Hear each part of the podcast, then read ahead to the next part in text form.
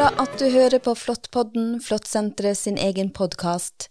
Nå er det sommerferie for mange, og koronapandemien har sluppet taket. Da er det gøy å reise utenlands, til tross for flykaos og skyhøye priser både på hotell og billetter. Eh, er det noe vi bør huske på når vi tar eh, turen til utlandet? Ja, altså det, det, med flått i andre land det er et veldig stort område å dekke, men, eh, men det første jeg vil si, at eh, det er veldig greit at man vet at det finnes flått i alle land i verden. Ja, Eh, og det såpass. fakt- Ja, og det finnes faktisk over, eh, eller over, men ca. 900 ulike flåttarter. Det er jo veldig mange forskjellige typer flått. Og den skogflåtten som er vanligst i Norge, den er faktisk utbredt i hele Europa.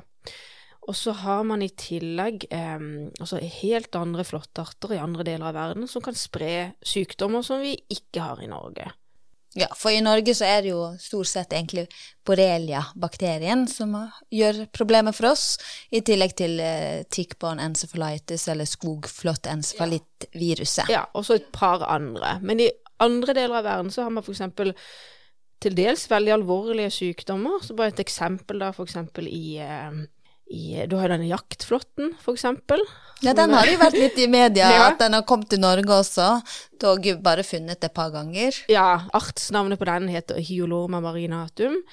Og den kalles for jaktflått i media. Høres veldig skummelt ut, men den, den kan faktisk Istedenfor at han sitter og venter på en vert på et gresstrå, så, så løper han Ok. etter for å få tak i vertsdyret. Og, og den er jo utbredt eh, ikke her i det hele tatt. Altså, man har funnet det på trekkfugler i Norge, og man har funnet det på en hest, men den er ikke finnes ikke i naturen sånn sett. Den er ikke utbredt i Norge. Men, Virker det ikke som han er etablert i Norge ennå, i alle Nei, fall. nei. Ja. Men han fins i Nord-Afrika, fins i Sentral-Asia, fins i deler av Sørøst-Europa. Og det som er litt eh, Vi skal, ikke skremme folk, men den, den flåtten her, den kan eh, spre med seg en sykdom som heter eh, Crimean Congo fever.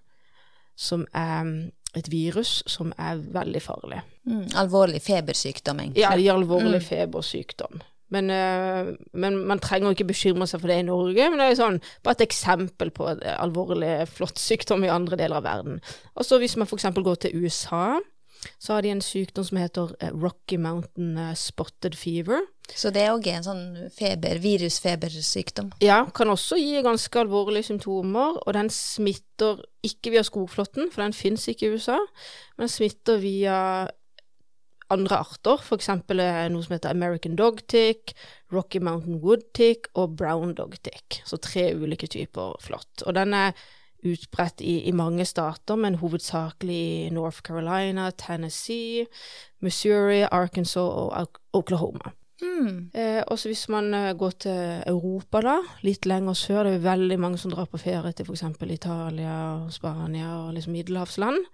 Da finnes det faktisk en sykdom som heter eh, Mediterranean spotted fever, som spres via det som vi kaller for hundeflått, eller husflått. Og grunnen til at den heter husflått, er at eh, denne flåttarten kan faktisk, tro det eller ei, formere seg inne i hus. Ja, så den trives på en måte mer i bebygde Ja, områder Eh, enn ute i skogen. Ja, det er jo veldig uvanlig sånn sett. Eh, artsnavnet på den det er Ricephalus sangui, sanguiveus. Eh, men den, den sykdommen har vi ikke i Norge. Greit å være obs på at det finnes flott art, andre flåtter i andre land, og andre sykdommer. Så, så det er jo faktisk en del som ringer til oss eh, nettopp fordi de har vært i utlandet og fått et flott bytte i utlandet. Hva pleier du å, å si da? Ja, altså det generelle rådet er jo, hvis ikke man har gjort allerede, så håper jeg at man fjerner flåtten så fort som mulig, for det er viktig med tanke på forebygging av eh, borreliose, men også en, rekke andre flåttbårne sykdommer.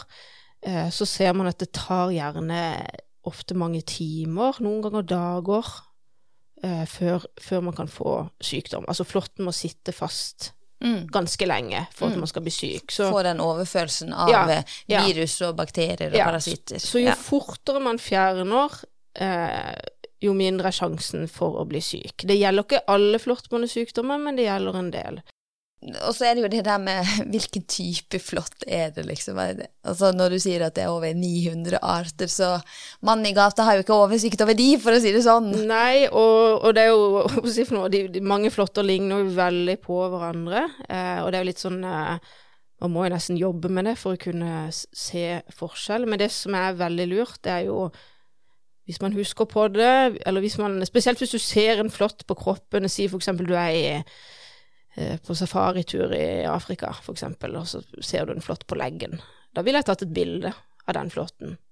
Det er ikke dumt. Spesielt hvis den har satt seg fast og du skal fjerne den. Ja, hvis man har mulighet til det, og da kan man eh, Man kan finne ut mye sjøl ved hjelp av Google.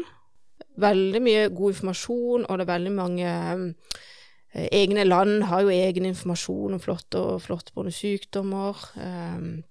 Så det er ikke dumt, det, faktisk. Her anbefaler man faktisk Google av og til, altså. Og så gjelder det jo å tenke litt sånn forebygging, så gjelder det jo som når vi snakker om forebygging i Norge også, å bruke f.eks. mygg- og flåttspray, ikke sant, spesielt på benklær når man er ute og går i skogen, og, og være obs når man kommer hjem, da fjerne flått og ta eventuelt bilde. Så det, mange av de samme rådene kan vi jo gi for de som reiser til utlandet også, men at man er litt ekstra obs med tanke på type flått, hvis man ser noe veldig ukjent. For det er ofte problemet. Altså, folk kan kontakte oss, og så sier de at jeg var jeg var i uh, USA på en treukers tur i sommer, og så, og så fikk jeg et flott bitt. Og da, da, er det ikke lett å vite hva de faktisk blir bitt av, men det å ta bilde og prøve liksom å få mest mulig informasjon. Eh, og hvis man ikke finner ut av det sjøl ved Google-søk, så, så, kan man jo også kontakte oss, og så kan vi prøve å hjelpe. Det er jo ikke sikkert vi, vi kan finne ut hvilken flått det var, men vi kan i hvert fall finne informasjon om um, flått og sykdom i det landet de har vært i.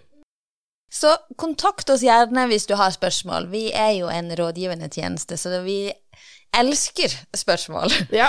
ja. Eh, så det var det vi hadde i Flåttpodden denne gangen. Følg oss gjerne videre neste gang når vi skal svare på nye spørsmål. Vi høres!